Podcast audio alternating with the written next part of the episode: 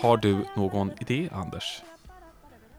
Nej, jag har ju ingen idé den här gången för att uh, det har varit så mycket annat liksom, som har hänt sen sist. Så att jag har inte känt att det har funnits utrymme för idéer, tyvärr. Liksom. Uh, men det har hänt mycket annat kul liksom, sen sist.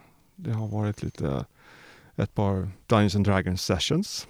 Mm -hmm. Det har varit lite, ja, någon liten resa faktiskt och uh, lite andra kul grejer. Och mycket jobb. Du har ju hakat på en annan idé också kan man säga. Precis. Shut up and write tänker du på? Mm -hmm. Ja, vi Precis. pratade om det sist. Precis, det var det? nog det sista vi pratade om i förra Ja. avsnittet. Att, ska du inte med och skriva någon gång? Ja, precis. Vad hände då?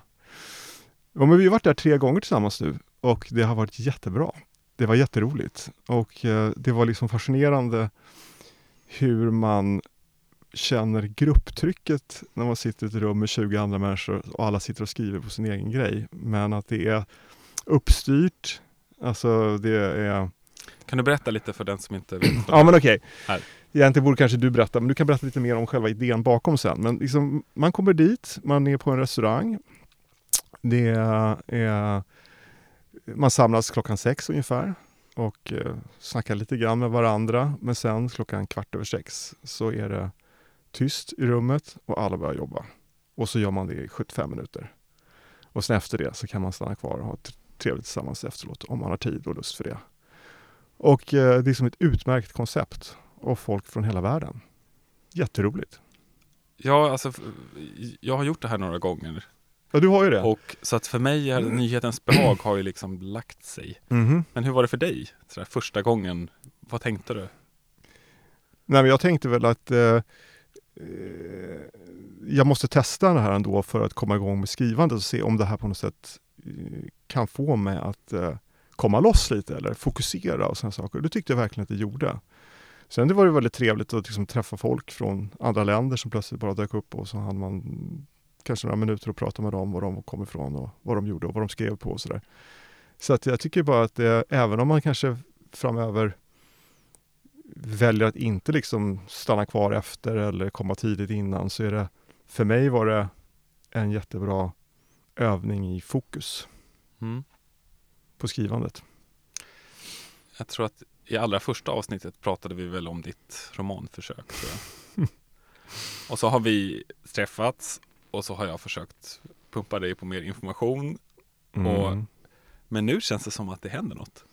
Tack vare Jo, men dels, det, det, jag tror det är två saker sen sist. Dels det här, men så var det också att i eh, någon gång då i augusti så fick jag liksom en, en idé om hur hela den här storyn skulle kunna vara. Du menar att du har fått en idé?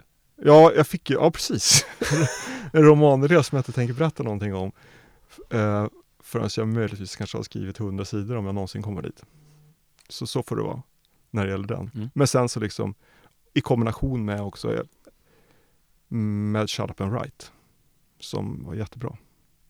Varför tror du att det funkar? Alltså, jag har ju också gjort det här och hela den boken jag skrev i våras utgick från de här gångerna. Det var liksom hörnstenarna i skrivprocessen att regelbundet skriva väldigt koncentrerat den här ja, 75 minuterna.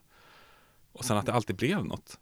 Mm. Ja men precis. Jag vet inte riktigt. Det, det som jag sa inledningsvis att man känner lite grupptryck men det är väl också det att mm, man har tagit sig dit. För mig är det liksom en, en resa. Och rent så här, det tar någon timme att ta sig dit kommunalt och sen så liksom har man bestämt sig för att man ska vara där och ägna en kväll åt det och sådär. Så att när man väl har liksom bestämt sig för det så får man ju lägga ner, lägga tid på det och göra jobbet. Så att Mm. säga. Och, och det kändes som att det i kombination med att ja, folk i samma situation är där gjorde att det hände grejer. Jag vet inte riktigt, det är oförklarligt. Ja, det är ganska obehagligt när man sitter där tycker jag och så märker man att jag är lite klar.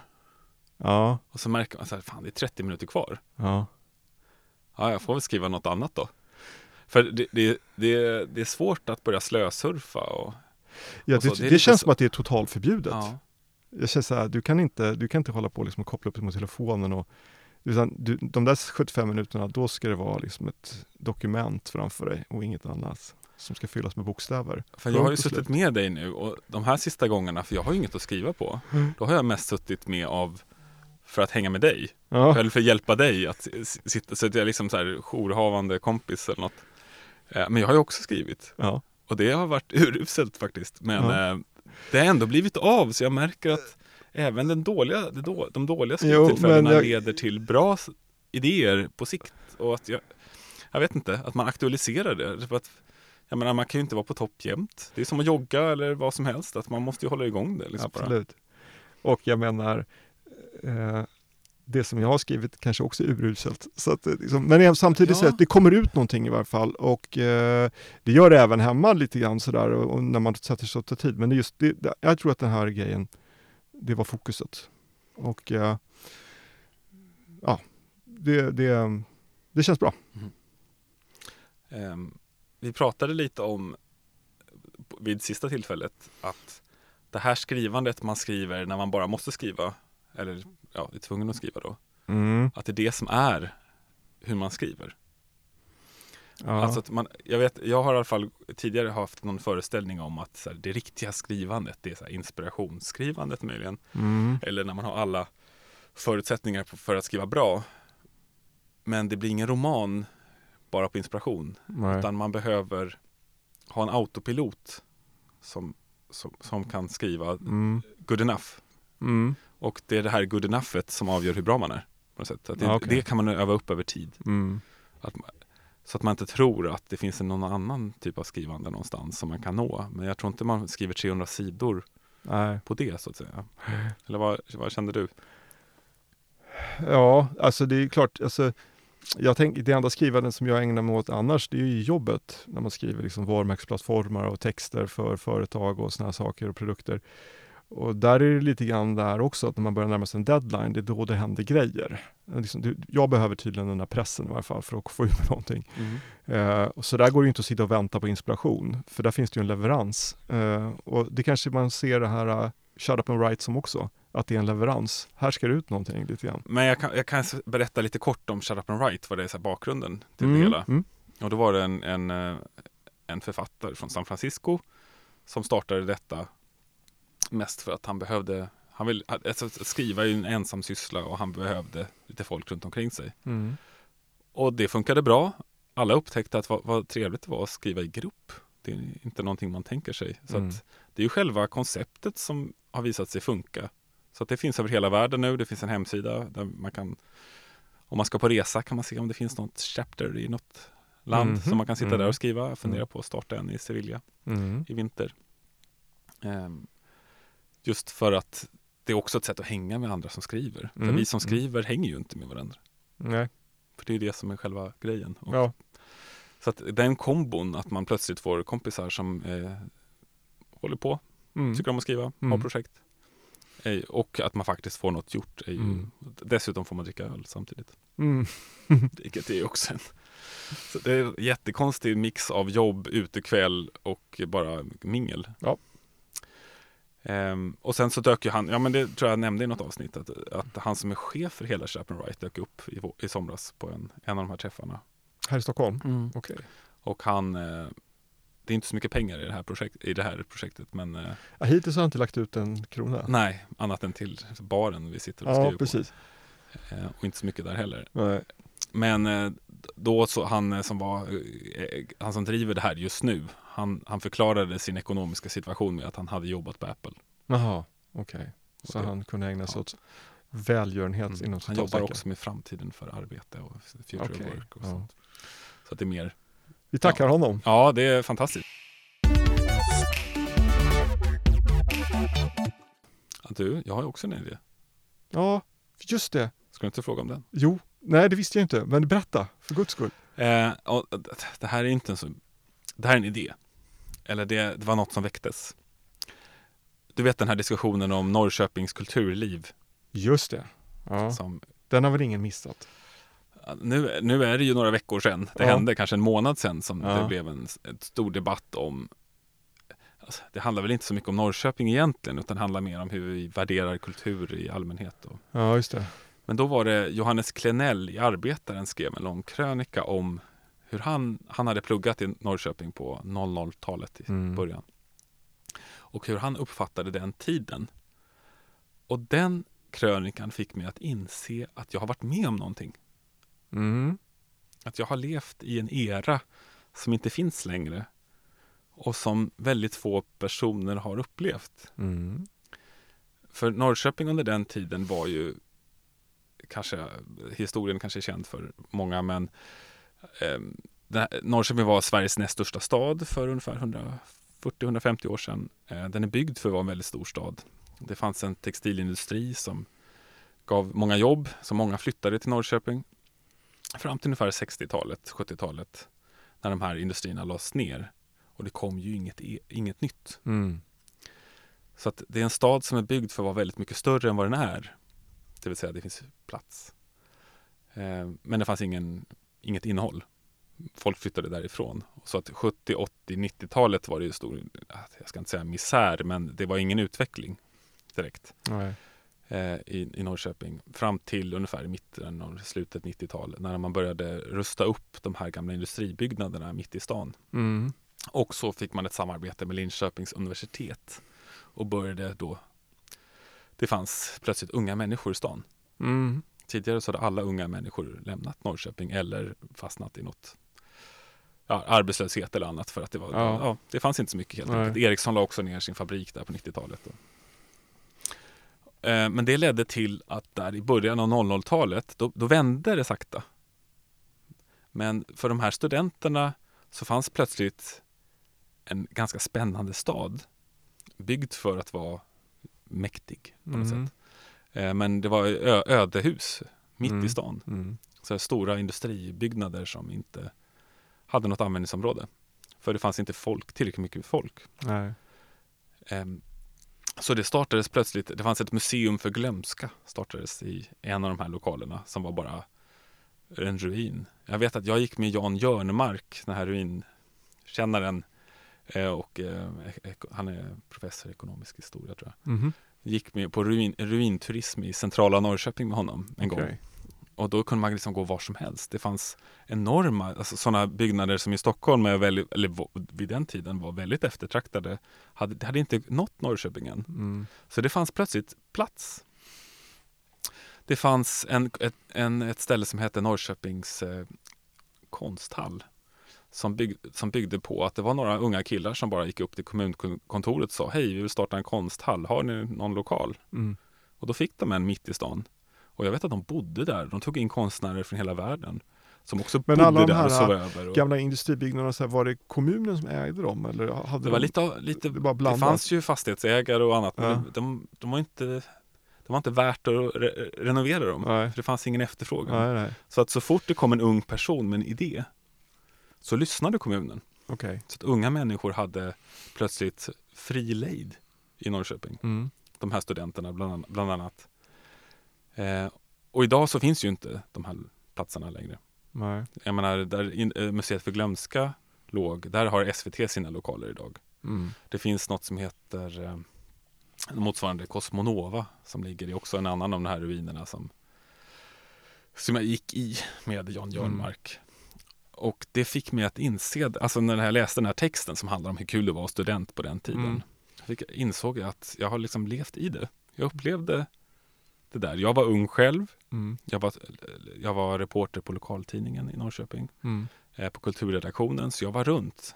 Jag Mm. såg allt det här Mm. när det hände. Och, så att den här diskussionen som har startats om Norrköping markerar ju på något sätt definitiva slutet för den här eran. Nu Mm. byggs det en ny stadsdel vid, vatt- vid forsen, jag vet inte, Mm. forsen är det inte, det är Bråviken. Eh, som, som heter Inre hamnen och det är liksom, den är som Hammarby sjöstad och plötsligt är, alltså priserna är ju, nä- det är inte Stockholm men det är inte jätte, jättelångt Nej. ifrån. Men Klenell då, vad, vad, vad, var han, vad var hans slutsats? Liksom att det där var en era som nu också är borta och som så här, kulturförvaltningen inte får glömma bort? Eller att de, eller? Han eh, passade väl på att minnas allting Ja, Men också förklara hur viktigt det här var och det som är lite tråkigt är ju att allt det där är ju ganska, är, är ganska unikt för under de åren var det nog bara i Norrköping det här kunde ske. Mhm. Det här är, det är länge sedan man kunde göra sådana här saker i Stockholm. Eller Göteborg eller Malmö antar jag. Så centralt menar du? Ja, alltså d- man, det var, näst, det, var som, det var som gratis allting. Ja. Jag bara tänker på de här med Norrköpings konsthall. Det var helt otroligt. De, de fick en jättefin lokal mitt i stan. Och jag tror inte de behövde, det var ju ingen entrébiljett vad jag vet. Nej. Och de bodde där, hade fester och tog dit folk från hela världen. Jag kommer ihåg jag mötte så här, olika konstnärer från Australien och olika länder som Mm. Bara, ja, de hade mejlat dem och så, så här, du kan ju bo här och så kan du visa upp någonting. Mm. Det är ju det som Norrköping nu, som jag tror i alla fall, att de, eh, de lever mycket på det. Att det var kul Mm. att vara ung i Norrköping Mm. där, på, under den tiden. Och de här, det var några i konsthallen som kom från Stockholmsregionen minns jag. Mm. Och där fick man inte göra någonting. Och så kom man dit till Norrköping så var Ja, allt men, möjligt. Ja men precis, men handlar den här debatten nu om då att, att Norrköping har varit en stad som har varit duktig på att satsa på kulturen i alla olika former och liksom skapat grogrund för massa grejer. Och tjänat tidigare. väldigt mycket på det. Ja, och kanske fått liksom vitalisera hela stan och Ja. få unga människor flyttar inte ifrån stan utan det finns liksom någonting. Det fanns en sådär. anledning att stanna. Och att det nu då i den här debatten om att eh, det ska göras om en del saker Mm. och att, att saker och ting måste bli allt ska kunna bära sina egna kostnader, även symfoniorkester och allt vad det nu är. Så, att den, den förändringen skulle kunna vara en själadödare på något sätt. Jag skulle tolka det som att man nu har ja, nu, det, det är ju den här Sofia Jarl från Moderaterna som hon, Känslan är att hon passar på att göra lite karriär i riks, på ri- riksplanet genom Mm. att uttala sig på olika sätt. För jag såg att kulturbudgeten var liksom större nästa år än det skulle vara det här året. Så att jag, jag fick inte riktigt gå ihop Okej. siffermässigt. Nej. Men om jag, reto- retoriskt så handlar det nog om att Norrköping har mognat och etablerats. Så att man behöver inte längre det här. Man behöver inte vara så frikostig, frikostig Nej, med lokaler okej. för de unga. Det finns heller inte lokaler längre Nej, på det sättet. Ehm, men, men själva idén då? Det var att jag insåg att jag varit med om någonting, en era som var väldigt spännande och Mm, jag tänkte mm. det här skulle jag, här, Norrköping 2007, det här skulle jag vilja ha- som ehm, jag skriver en roman. Ja, en, Inom. en setting för det. Mm, det är en ja. bra setting. Ja. Där, Det tror jag är en jättebra setting. jag tror det. Ehm, att, Men vara, hur är det- att vara ung och ha alla möjligheter. Att det, den kombinationen var Mm. väldigt, väldigt speciell. Där man, ja, men det, också, det fanns en spontanitet i stan att man, Mm. Som jag inte kände igen från Nacka där jag växte upp. Nej. Att man kunde ringa någon och bara, hej vad gör du? Ska vi ses om en minut? Ja, men du är ju Norrköpingsfan, alltså Ja. på, på så många olika sätt. då, Både stan, fotbollslaget, alltihopa. Och du är jätteavundsjuk på mig eftersom jag är född i Norrköping och inte du till exempel. Ja, otroligt. Jag vet, det är jobb, måste vara jobbigt för dig, men det går inte att ändra på det. Men jag vet att när, jag, jag nämnde det här lite för dig och då berättade du om en annan era du hade varit med om. Men den kanske vi ska spara. Tycker du? För just det här med, det är väl egentligen eror som är idén? Att, här, att faktiskt spara de här. Ja, men du tänk, Erorna tänkte, du, var- tänkte du på min tågluffel? Ja, ja, ja. Hur du ja, liftade som... Jo, ja, ja precis. Nej, men det är klart att det var ju en era på något sätt där folk inte var så rädda. Eh, det var när jag gick ettan, gymnasiet, eh, jag var 16 år och tågluffade det sommaren mellan ettan och tvåan. Och då liftade vi ju till Köpenhamn med lite olika lastbilschaufförer och grejer och massa olika folk. Jag hittade nämligen en dagbok i källaren från det där. Eh, det var ganska rolig läsning, men, men det, det, det var ju på något sätt obekymrat för att eh, Eh, nej men vi, vi, vi tog pendeln ner till Södertälje, ställde oss vid påfarten på motorvägen där och eh, fick först lift med någon eh, kvinna och sen någon man och sen en lastbilschaufför som stannade mitt i skogen på natten vid någon stuga och sa att nu får ni kliva av, för nu ska jag inte köra längre. Berra kommer och, och kör vidare om några timmar så då liksom fick vi rulla ut våra sovsäckar på infarten där och slagga tills den här andra figuren dök upp. Och, och sen så sov vi ju, ja, lite senare så här, vi sov ju utanför centralstationen i Köpenhamn i någon blomkruka på natten, någon stor. Och även i Lissabon sov vi på gatan utanför eh, vad heter det, centralstationen. För att hela liksom, resan gick ut på att eh, det skulle funka och på så lite pengar som möjligt. Men eh, och, sen, och sen kom vi, ja, jag gör en historia kort då, men sen kom vi till Barcelona och då så min kompis, han var ett par år äldre och han hade träffat någon tjej som han visste var ute på Ibiza. Så han sattes på en båt och åkte ut till Ibiza och då var jag kvar där i Barcelona och tänker vad gör jag nu? Och det var ju liksom inte, ja det här är ju 1983. Inte så många mobiltelefoner. Nej, det är inte så många mobiltelefoner. Och det var inte, det var man, man inte så bekymrad för. Men då visste, jag mm. att, då visste jag att min systers pojkvän jobbade någonstans, hade något sommarjobb i Schweiz. Så då så tog jag, eh, tog jag tåget upp dit och var brutalt magsjuk hela den resan, tågresan upp. Det var en sån här nattåg. Och kom fram dit till, och tog in på något vandrarhem. Jag tror att det var i Bern. och låg där ömklig på det där vandrarhemmet. Sen kom, jag, sen kom den här värdfamiljen som han bodde hos och hämtade mig. Och så fick jag sova över en natt hos dem och de var så snälla och bjöd på ostfondue. det var ganska jobbigt efter den där äh, magresan från Barcelona. Men eh, det är ändå ett minne. Men det var ju liksom så här, apropå en era av bekymmerslöshet. Mm -hmm. Och jag tror inte jag ringde hem någon gång och sådär. Det var inte, man hade inte den, man skrev något vykort kanske. Men dina barn, hade de kunnat göra det här när de var 16 till 17? Eh, kun, alltså kunnat, men jag är inte säker på att de hade velat nej. eller och, och, jag tror inte, nej, jag, jag, känner inte igen att folk gör det nu för tiden, kanske så unga. Folk tågluffar ju, det är inget konstigt med det. Men då har man ju koll i mobilen och har kontakt med hela världen. Men man kanske inte konstant. sover på det sätt som vi sov. Nej, Eller, och liftar. I den, lift, och lifta har ju Lifta ut, känns inte som man ser någon som liftar längre. Av förklarliga skäl kanske. Jag vet Nej, inte. men det, det är väl, allt har blivit farligare, tror jag. Ja. men det kanske inte har det.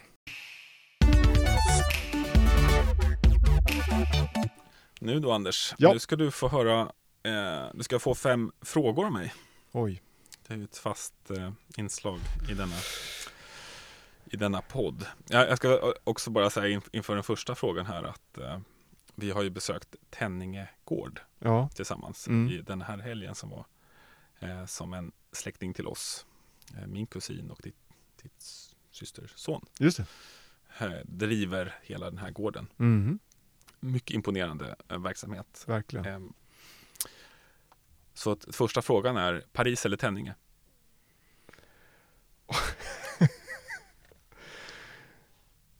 det beror på hur länge jag ska stanna. Mm -hmm. En kortare stund Paris, tror jag. En längre stund Tenninge. Varför? Ja, det, det, kan väl vara kul med Paris. Det finns mycket att titta på där och sådana upplevelser. Men jag skulle inte jag skulle inte stå ut så länge tror jag. Eh, tävling är ju lugnet själv. Så, att, eh, det, så att, av den anledningen. Ja, det är lite unpopular opinion för mig att jag tycker Paris är ganska hemskt. Nu var det länge sedan jag var där, mm, men jag bara utgår från att det fortfarande finns någonting kul att titta på någonstans. Det är jättevackert, men efter ett tag, jo, men jag menar det. Van, det kanske räcker med en helgdag. Ja, för att det är så tätt. Ja. Ja, man är kanske svensk. Okej, nästa fråga. Nämn en person du anser framgångsrik utifrån dina värderingar. Det här var kul va? Oj, oj, oj. Får jag spara den i bakhuvudet? Det kan du göra. Du kan spara den, men du kan inte slippa undan den. Nej. Mm. Borde Sverige gå med i euron? Ja, fast inte på den här växelkursen. Mm. Om, kron, om, kronan, om, om euron plötsligt går, går, ner till någonstans mellan 8 och 9 kronor igen, då kanske vi skulle joina. Jag tror att det kan vara bra på sätt och vis att vara, slippa den här uh, valutaexponeringen. Men just nu kostar en euro 12 kronor och jag tror inte att det skulle vara bra för Sverige om vi gjorde det i det här läget. Nästa fråga då, eh, nummer tre. Vilken ort skulle du helst eh, dö på i din dödsannons? Det är också en sak vi pratade om på, väg, på vägen från Tänninge att, att eh, det coolaste i en dödsannons är ju inte att vara född på en spännande ort utan det är att vara död på en spännande ort. Ja. Har, du, har du någon sån där? Ja, men det... Född i Gagnef, död i? Key West. Det är coolt. Det är coolt. Um, så kommer fjärde frågan här nu. Innan vi går tillbaka till femte frågan. Mm. Om du hade ett liv, ett till liv som löpte parallellt med det här livet, hur skulle du använda det? Det är så här bonuslivet som du också har. Oj. Otroligt svår fråga. För, eh, Förhoppningsvis på samma sätt som jag, som jag har använt det här livet. Jag, jag vet inte, annars på något sätt blir det som ett underbetyg på livet. Eller? Nej, men om du känner att eh, du inte Ja, har du tid menar- för allt du vill göra. i- Men det kan vara svårt att kombinera vissa saker med andra saker. Att man, man måste ju fatta beslut i... ja, du men skulle precis. ju kunna vara ungkarl i andra livet och bo i Key West till exempel. Ja, nej, det, var, det är någon slags Hemingway-vurm där. Men eh, jag vet inte. Eh, du menar att man har samma förutsättningar som man har i Det är, en ditt, här, det, det är liksom ett till liv som du upplever precis som det här livet. Du kan hoppa, du växlar, Det här är ju ett helt poddavsnitt. Bara så, att Du, du försöka reda- växlar mellan de här liven konstant. Liksom. Du, de pågår parallellt. Det är ett annat Ja. sätt att uppleva verkligheten på. Oj. Det här är ju också, jag- ställer den här frågan till Ja. folk ibland. För att ofta har man kanske en sånt här tänk om Ja, Tänk om jag hade fortsatt plugga det där. ja just det. Tänk om jag hade blivit ihop med den där personen. Ja, att du tänker om så. jag hade Ja, flyttat. lite Så har sliding man chans doors. att göra båda. Om det nu finns något annat som man också Ja, du menar att man, att man, skulle, Du har att man båda. skulle kunna hoppa Ja, emellan? ja. Du har det, ditt nuvarande liv, du behöver inte göra det igen, för du har det redan. Du har båda. Oj. Ja, jag vet inte. Det är ju... Eh, man hade... Jag blir liksom tagen på sängen av den. Den är svår den frågan Mm. alltså. Den, Jag kan svara. Jag hade läst klart psykologprogrammet till exempel. Ja, okej. Mm. Ja. Och så hade jag varit, jag hade förmodligen forskat i psykologi. Igen. Ja. Ja. Ja, ja. Okej. Ja. Du vet vad? Vi, får spara den också. Nej. Ja, vi Den är för svår. se, se senare. Har du, har du något svar på den andra då? Ja, men Framgångsrik person då? Ja, Utifrån alltså- dina värderingar? Den enda som kommer, det, man, man, det är olika parametrar, men det, det, namn som kommer ihop i huvudet är George Soros. Mhm. Alltså han, på det sättet, han var ju väldigt framgångsrik i det han gjorde, mm, rent när han jobbade som finansman. Sådär. Och, och det kanske inte säger så mycket om, så att säga. Men det verkar ändå som att han har värderingarna Mm. klart för sig och använder sin stora förmögenhet för att försöka skydda demokratier, bevara demokratier och utveckla demokratier. Och det eh, och han fightas ju ganska hårt mot eh, sittande regering i Ungern. Han är ju själv ungrare, Mm. eh, ungersk jude. och eh, har ju etablerat ett universitet där och sådär och blir motarbetad av den här regeringen. Jag tycker att han eh, gör en insats.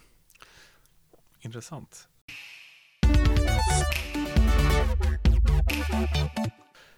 Alright, då hoppar vi vidare till ämnet. Just det, Hur står det egentligen till med minimalismen idag? precis. Det, det känns ju som att det är sådär. Om man säger så här, för 15 år sedan så blev det ju rätt mycket snack om alltså den moderna moderna minimalismen i det här med hur man ska leva sitt liv och att man ska liksom ta bort saker och man ska sträva efter att jobba så lite så mycket och utveckla sin Är det 15 Person. år sedan tycker du? Ja, men jag vet inte. Men jag, när kom den här boken Four Hour Work Week och allt det där? Just det. Är inte det typ 2010 Ja, det eller runt, vara, ja. runt Mm. sådär va? Alltså minimalism har ju funnits jättelänge. Jag menar, och, och, och en, en så här förkämpe var väl den här äh, Wald, alltså han som skrev Walden, Thoreau. Walden. Ja, 1850-tal kanske. Eh, Som flyttade ut där, byggde sin egen stuga. Eh, skulle bara omge sig med absolut nödvändigaste och vara, leva i samklang med naturen. Och jag tror att han myntade det där begreppet sim, simplify, simplify hela tiden och sådär. Men, eh, men vad jag tror mig veta också att jag tror att han han åkte hem till sin mamma varje vecka med svetten också. Och dessutom låg ju inte den här stugan jättelångt. Från stan. Nej. Nej, jag vet. Men han gjorde ändå försök och han skrev Ja. ju en jätteberömd bok, Walden Pond, eller vad heter den? Ja, eller heter den bara Walden eller? På svenska är det Skogsliv vid Walden. Ja, just det. Eh, som jag läst halva flera gånger. Ja, Än en sån bok. Så, ja. eh, som man liksom vet mer Men han var ju också minimalist på det sättet. Där. Absolut. Ja, han hade i alla fall Och de idealen. alltid, som du säger, det har ju alltid funnits en strävan efter enkelhet. Mm. Ehm, att vi överhuvudtaget pratar om det här nu är vi ju lite för att vi åkte till Tänninge gård Mm. som är ett annat sätt att leva på. Mm. Mm. Sen så är det ju inte alltid, det är inte så att det står minimalism som på skylt utanför precis. Utan, utan det, det är ett annat sätt, men det är inte riktigt minimali- minimalismen. Ehm, Men jag tror att många som bor där, för att Johan, vår ja, släkting där, han bor ju Mm. inte själv utan han, det är ju andra som söker sig dit för Mm. att bo tillsammans med honom på den här Mm. gården. Ehm, De söker ju någonting enklare. Det får man utgå från. Och man söker en annan typ av gemenskap. Absolut. Och man har liksom formaliserat det på det sättet att man Mm. har eh, stadgar och ideal och mål med Mm. hur den här eh, communityn ska utvecklas och vad den, liksom, att den ska leva i samklang med naturen, att man ska liksom ja, inte, ja, det är ju, det, ja, inte påverka naturen för större utsträckning, kanske till och med kunna vara självförsörjande någon dag och så. Eh, och det är ju en slags minimalism, Men göra det tillsammans. Men att göra det tillsammans ja. Och det är också den stora Om det är någonting man ska lära av det här är ju att det är omöjligt för en person att skapa den här Den här gården. Alltså Mm. det, det är en stor gård ska vi säga. Mm. Många olika hus och de bygger nya, olika, nya byggnader he- Mm. hela tiden här. För att få plats. Mm. Ehm, men det är ett stort grupparbete. Det kommer folk från andra communityn och hjälper till. Och, Absolut.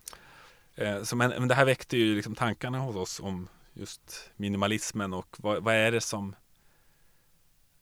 Vad är det man är ute efter? Egentligen? Ja, jag vet.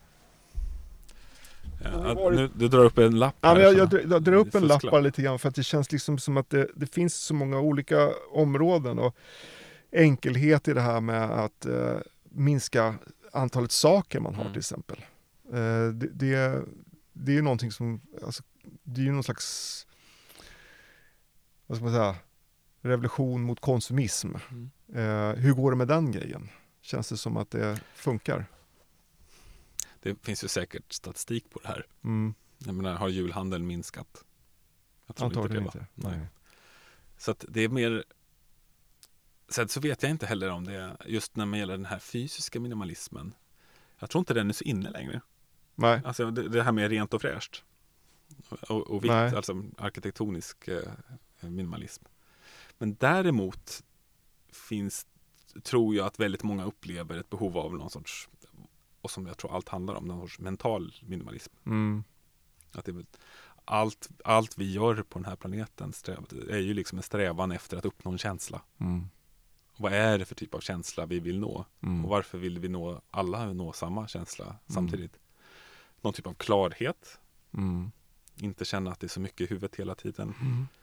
Eh, alltså jag har ju läst typ varenda bok som finns tror jag om sådana här saker. Okej. För att jag, och det har fått mig att fundera så här, varför och jag, läste, jag läste gamla dagböcker häromdagen från 2013 och ser att jag, det är samma sak där. Det är mycket i huvudet och man försö- Mm. försöker liksom hitta olika sätt. Och, men den här kombinationen att vara nyfiken och också sträva efter mindre, Mm. den är svår. Mm. Är inte Mm. människan naturligt expansiv? Jo, du menar att man lägger på saker hela Ja. tiden som man intresserar sig för och, och, och, Och sådär. varenda liten grej gör inte så stor skillnad. Men det är det här ackumulerade när man plötsligt bara Mm. Du vet den här känslan att man jagar något nytt. Alltså jagar nyheter eller det kan vara notifikationer sociala medier eller så här. Men känner du att du har tagit bort någonting då? Jag har ju tagit bort jättemycket. Mm. Jag har inte sociala medier Nej. till exempel. För det mesta har jag, ibland så går jag in och kollar. Alltså Mm. jag har avaktiverat kontot så att man kan inte skicka något till mig. Men Nej. någon vecka då och då har jag Instagram. Bara för Okej. att se vad som har hänt sen sist. Ja. Lite Eh. avgiftning så, eller? liksom- Ja, jag klarar inte av att göra det lagom. Nej. För att det inte är byggt för det. Nej men grejen är så här, jag, jag har inte heller, alltså, jag, alla, jag har aldrig haft Facebook. Eh, Instagram hade jag tills för kanske fyra, fem år sedan. Mm. Och Twitter stängde jag ner för ett år sedan. Och det var en befrielse. Mm. Men man känner i hela kroppen Nej, att är det är här, något som försvann. Ja, och, och så här, jag har inte sovit, ja, jag har sovit mycket bättre sedan dess. Mhm. Jag läser mycket mer böcker sedan dess. Så här, det, liksom, så det är bara, bara, positivt. Ja, när man är sån här nyhetsjunkie Ja. så behöver man vara väldigt varsam med vad är det för nyheter då. Mm. Och jag märker ju nu att jag, jag har också, när det funkar här, har jag regler för hur jag, mitt nyhetsintag. Ja. Som i princip är läs morgontidningen. Ja. Det, det är regeln. Alltså DN, pdf. Ja. Eh, men just nu funkar inte det. Nu har jag tappat greppet totalt så nu läser jag om alla skjutningar och mm. följer allt som händer och det är mm. jättekul men jag märker ju att det sabbar ju fokus. Ja. Det gör ju det. Mm. Så jag, jag, tänker att den här digitala att det, det hänger ihop någonting. Det här med ja. minimalismen, enkelhet och att vi nu går omkring med hela internet på fickan. Att just nu som alla de här böckerna, till exempel finns ju den här boken Deep Work av Cal Newport. Mm. Som jag har sett i varenda bokhylla hos personer som jobbar mycket med skärmar. Till exempel. Alltså okay. Alla råkar vara inne på det här just nu. Särskilt killar som jobbar på, som utvecklare. Typ. Mm. Um, som i princip en bok som bara handlar om gör en sak i taget, ha fokus. Mm. Uh, han, uh, han har också han har skrivit en annan bok som handlar om det här mejlsamhället. Att vi, vi som arbetande människor, eh, vi tycker om den här känslan att vara lite upptagna. Mm. Känna sig produktiv. Mm. Som inte alls har någonting att göra med att vara produktiv. Nej. Utan att skicka ett mejl känns produktivt. Svara på ett mejl också. Att på det här, han kallar det för collective hive mind. Hur vi liksom håller varandra mm. upptagna. Mm. Som gör att väldigt, det är ganska svårt att få överblick där man är mm. i det. Men man mm. får sån kick av det hela tiden. Mm. Ja, det finns ett slags bekräftelsebehov i att känna sig uh, värdefull då ja, i den här kedjan. Som, lite som på Shut Up and Write, om man vaknar upp där och så bara, jag skriver ingenting just nu. Mm. Oj, jag måste vara lite upptagen. Jag måste hitta på något. Mm. Istället för någonting som jag försöker göra ibland är att här, bara sätta mig ner och bara, vad jobbar jag med egentligen? Mm. Mm. Vad är mitt jobb? Mm. Vad är syftet? Når vi att bara försöka komma upp till en, en annan nivå? Så bara, då kanske man borde kontakta den personen på den, det mm, stället mm. som de jobbar med likartade mm. saker. Och det här med att den får den typen av idéer, överblicksidéerna.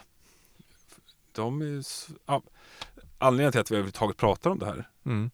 Eh, att vi har inte snöat in på så mycket på sistone. Nej men precis, eh, för att eh, det har varit för mycket annat helt enkelt. Jättemånga roliga ja, saker. Så att, så att det här med att reducera har varit misslyckat de senaste sex veckorna. Då, Nej, egentligen. precis. Ja. För, att, för att när vi gjorde de första avsnitten, då fanns det alltid någon grej. Har du snöat in på något sen sist? Absolut. Ja. Nu är det ja. Kurlands kolonialisering av, liksom, mm. av Amerika. Ja.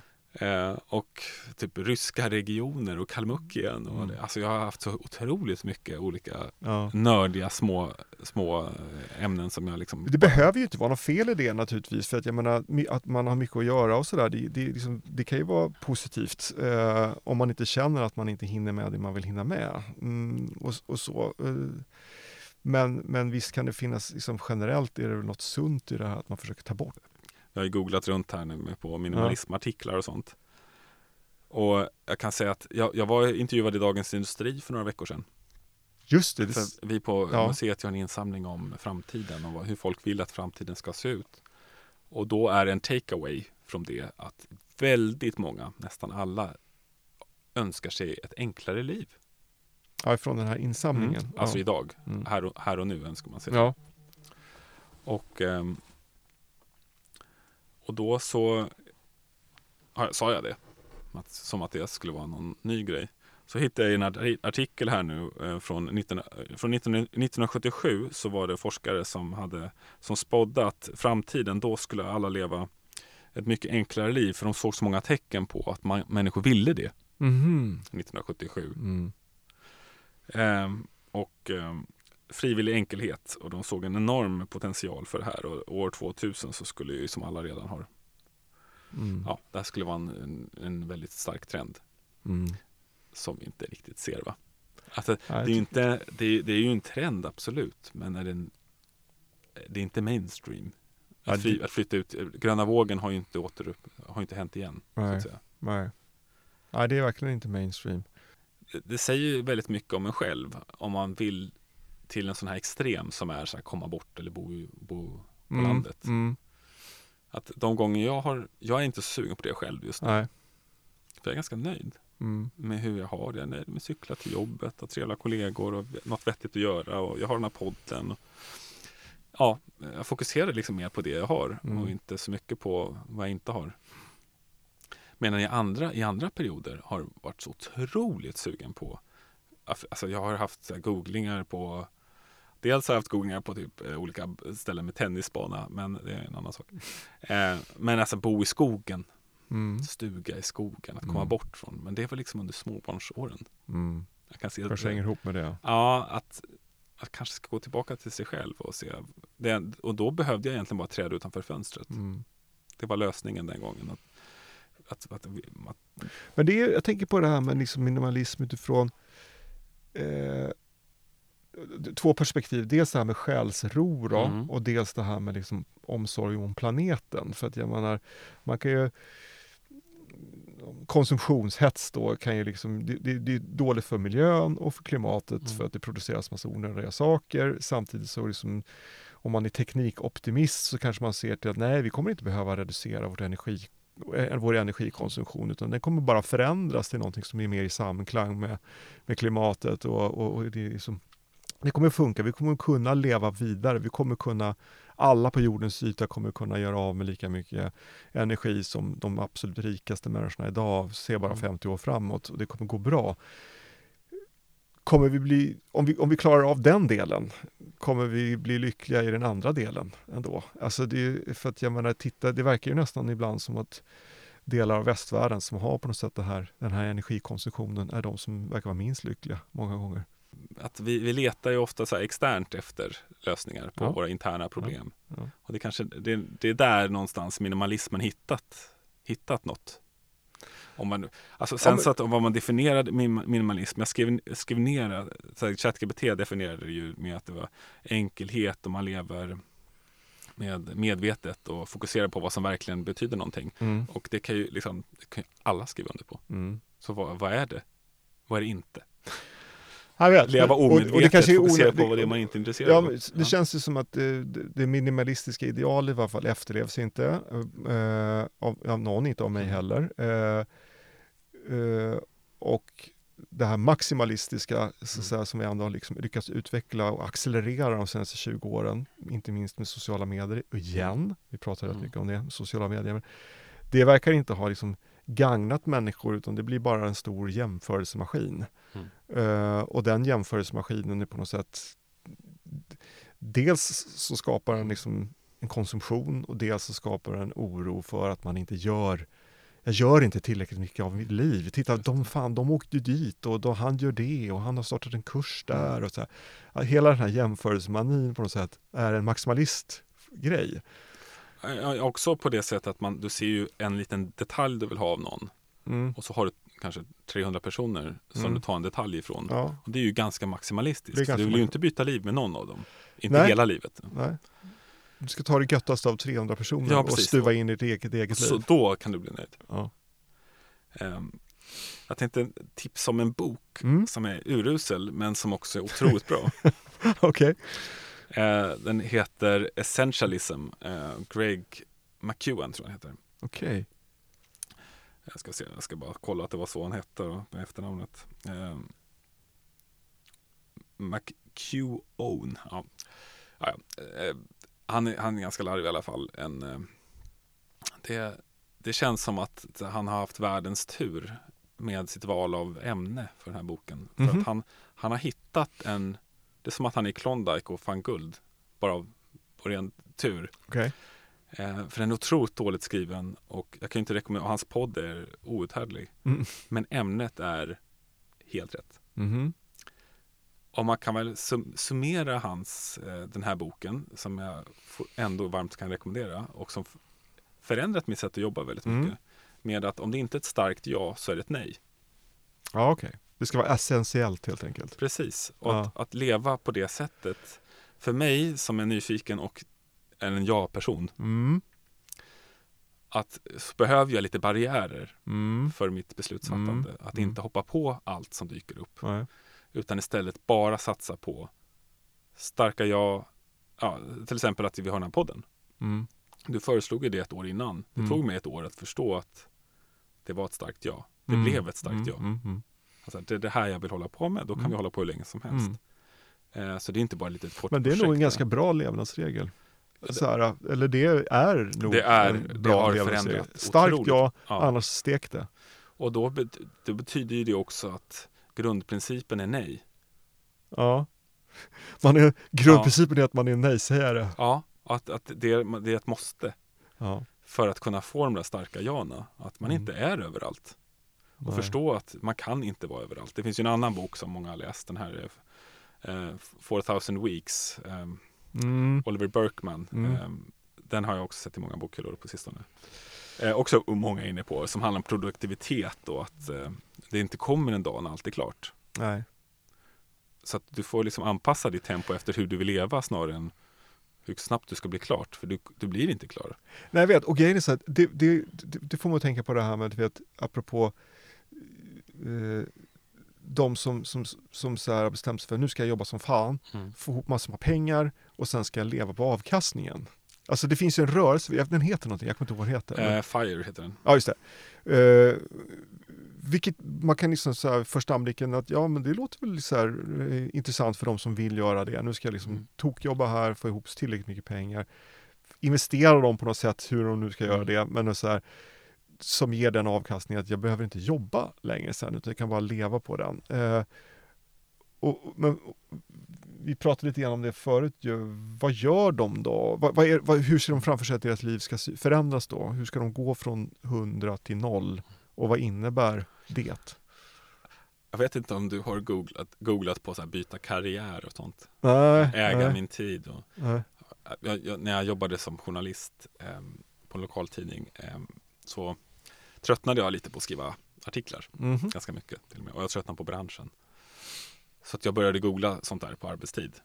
Inte jättemycket men det hände. Mm. Det fanns ju liksom dödtid. Mm. Och då kom man in på alla de här bloggarna Mm. som handlar om just det du nämnde. Att man Okej. ska spara ihop jätte- jättemycket pengar genom att inte leva så eh, expansivt under ett tag. Och sen så investerar man i börsen och sen ska man leva på de där pengarna sen resten av sitt liv. Och, Mm. Men det är lite oklart vad resten av här hur resten av ditt liv, livet är. Mm. Och sen är ofta de här som håller på med det det är inte så inspirerande personer. Eh, Det det är inte så här, då, då kan jag jobba ideellt och då ska jag förbättra världen. Utan det är mer det är mer fokus på den första fasen kan man säga. Mm. Mm. Och sen så tappar de meningen med Vardagen. ja, hela insam... var- Varför, varför? Varför ska man leva sen då? Ja. Det kanske inte var jobbet som var meningen. Men samlandet av pengar var uppenbarligen meningen ett, tag. Ja. Att, jag menar, om jag var ekonomiskt oberoende så skulle jag fortfarande göra saker.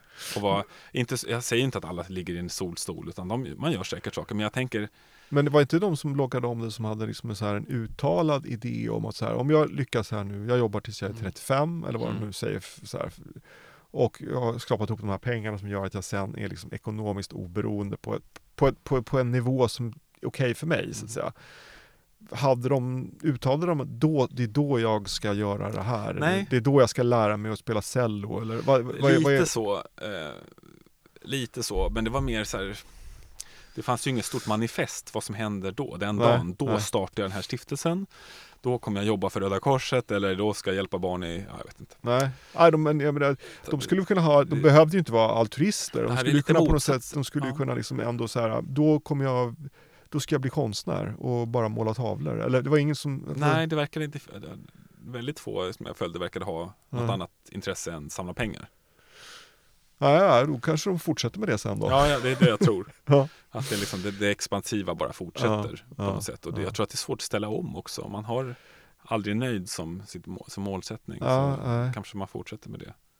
Men då, då, så det är ju väldigt individualistiskt sätt Mm. att se på Lite riskfyllt också. Eftersom man inte vet liksom, Det är det ju. Och börsen och, ja men jag tänker mer så här, typ livet kan ta slut om man är 37. Och då, då hävdar ju de, de räknar ju på det här att det är ju rent statistiskt mycket troligare att livet tar slut när du är 64. Jo, det, visst, visst är det det. Eller hur? Men jag tänker här, Och, men, och då så har du inte ens fått uppleva pensionen. nej. nej, precis, ja, nej, det, det är Så sant. att, så att jag kan köpa mycket i de här tanke, Ja. tankegodset i liksom, det här sättet att Mm. leva på. Mm. Det är bara det att de, de har inte sålt in nästa fas. Till som paradiset är inte så insålt än. Nej. Eh, och då tycker jag det som Johan gör i Mm. Penning är mycket mer inspirerande. Mm. Hur han har lyckats samla en grupp människor att Mm. jobba tillsammans för ett gemensamt mål. Mm. Och, och, och göra det. Att- Absolut. Verkställa det. För de här som samlar, de samlar ju för sig själva bara. Mm. Det är inte så intressant bara. Nej. Så det, det finns, ehm, och sen så det finns också bloggar och tv-serier om minimalism och så söker man det på Netflix. Mm. Och det, är också, det känns som att det är en kommersialisering av minimalismen. Ja, det är hon som skulle städa också. Ja. Marie Kondo Ja. och att det, det är som det är för mycket livsstil och för lite liksom andlighet i det hela. Ja. Att det är som något, man tar bort allt, sen är inget kvar. Nej. Och så var inget där. Nej. Ungefär så Nej. upplever jag den känslan i alla fall jag får när jag tittar på dem där. Nej, det kan ju sluta med någon slags tomhet. Det har gjort av med Ja. alla onödiga prylar. Och, nu Och det är jag superrent hemma. Och jag har ingen själ kvar. Ehm, sen så ehm, eh, jag kan- eh, den här Oliver Burkman, och det finns en hemsida som vi kan länka till. Är det vill- han som har gjort en prick av varje dag resten av livet? Eller? Alltså, Ja, det- han, jag han, jag grafiskt över. på något sätt. eh, Var det han? han har inte gjort den hemsidan själv, det är den jag tänkte länka till i beskrivningen. Som är var, var det sorts- varje vecka? Var, han skulle visa på Ja, något sätt det- återstoden av livet. Ja, du har 4000, alltså du har 4000 veckor, ja precis, du har Ja. 4000 veckor i livet. Totalt. Eh, och du befinner både du och jag har ju använt majoriteten av dem. inte du kanske, men jag. Ja, ja enligt den här, hans sätt att räkna. Ja, men de, har så kort, 4000 de, har- så, de har så kort livslängd i USA. ja, ja men det, han är britt faktiskt. Ja, okej. Ehm, Det höll inte heller. och så jag kan rekommendera sidan för att det, det, är så, den här boken är jätteväl. Han är ju Ja. otroligt begåvad och han har Jag tror att ett lyssnade på någon budskap. podd som- ja, det, Ja. han Mm. är lite överallt. Mm. eh, Och han, ehm, Mm. Men han lyfter ju fram sådana självklarheter som inte är så självklara i arbetslivet. Behovet av att vila. Att vila behöver inte vara produktivt. Mm. Som är som en nyhet för många tror jag. Eller många arbetsgivare i alla fall. Eh, och att det är mycket så här, deal with it. Livet är ändligt. Mm. En dag så är du borta. Mm.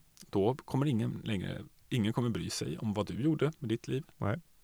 Så är det. Ehm, du kommer bara kunna göra en, en liten, liten, liten del av allt du kan göra. Mm. Det är bara som det är. Mm. Du kan inte göra allt. Nej. Så då, då är frågan så här, om du ska göra 0,1 procent av allt du kan göra eller 0,2 procent av allt, kan du, allt du kan göra. Är det så viktigt? Mm. Eller är det hur du gör det Mm. som är viktigt? Mm. Eh, och han, han, han pratar också om det här med att, göra, att inte göra saker samtidigt utan göra det seriellt. Alltså Mm. efter varandra. Och det här är ett misstag som jag verkligen har gjort tidigare och jag kan rekommendera andra att undvika. Att det är kul att ha många saker igång samtidigt. Men de måste faktiskt inte ske samtidigt. Mm. Man kan göra en sak först och sen hoppar man på nästa grej. Livet är förhoppningsvis inte så kort att du inte hinner med alla de här sakerna. Mm. Men om du gör dem samtidigt så, det är min erfarenhet i alla fall, är att det blir lite tråkigare varje grej. Lite mindre substans i varje grej. Mm. eh, av att göra det på det sättet. Ehm, sen så kan det ju finnas eh, andra fördelar med att ja, Ja. synergieffekter. Lalala. Ja, men det, det, det var en take på Mm. det här. Jag har inte läst den än och det har nog inte du heller. Walter Isaacsons nya biografi om Elon Musk. Vi kommer Mm. tillbaka till Elon Musk hela Ja, tiden. han är nog Ja, men mest en, men eh, en, nämnda jag, bara, jag hörde en intervju med honom, han som Ja. skrev biografin i alla fall. En, en stor takeaway för honom det var just att Elon Musk var väldigt duktig på att fokusera på en sak i taget. Mm. Att jobba sekventiellt på det sättet. Och det var det som gjorde att han kunde hålla liksom sex olika företagsprojekt Mm. igång samtidigt. Att han kan göra det. Att han, han, man upplever aldrig att han gör någonting samtidigt. Han tar inte ett samtal från SpaceX medan han Mm. står med en ingenjör på Tesla. Så han jobbar inte så. Eh, han har Asperger också. Ja, Elon, så jo, det ja. underlättar väl något tror jag. kanske det gör. Men ändå. Att han är hyper. För att egentligen allt det här vi pratar om är egentligen fokus. Ja. Att ah, många känner sig okoncentrerade. Ja. Och så försöker man hitta olika sätt att bli koncentrerad på. Mm. Meditera till exempel. Eller Ja. flytta ut i skogen. Eller Mm. ja, ta bort, eh, skaffa någon app för att begränsa vilka eh, appanvändning på andra appar. Ja. Eh, men eh, Oliver pratar också om det här med att man ska göra stora aktiva val. Mhm. Man ska inte bara vara sambo, man ska gifta sig. Okej. Att det är, man blir ofta nöjdare med att man fattar beslut generellt. De flesta, alltså, Men vet, det känns, det, det, rimmar lite grann med den här uh, bara säkra jan, inga Ja. nej. Alltså, alltså, gå hela vägen om du väl har bestämt dig så kör 100 procent. Ja. Be- bestäm dig, Mm, gör saker. mm, Du har bara ett liv. mm. Det har Ja. du.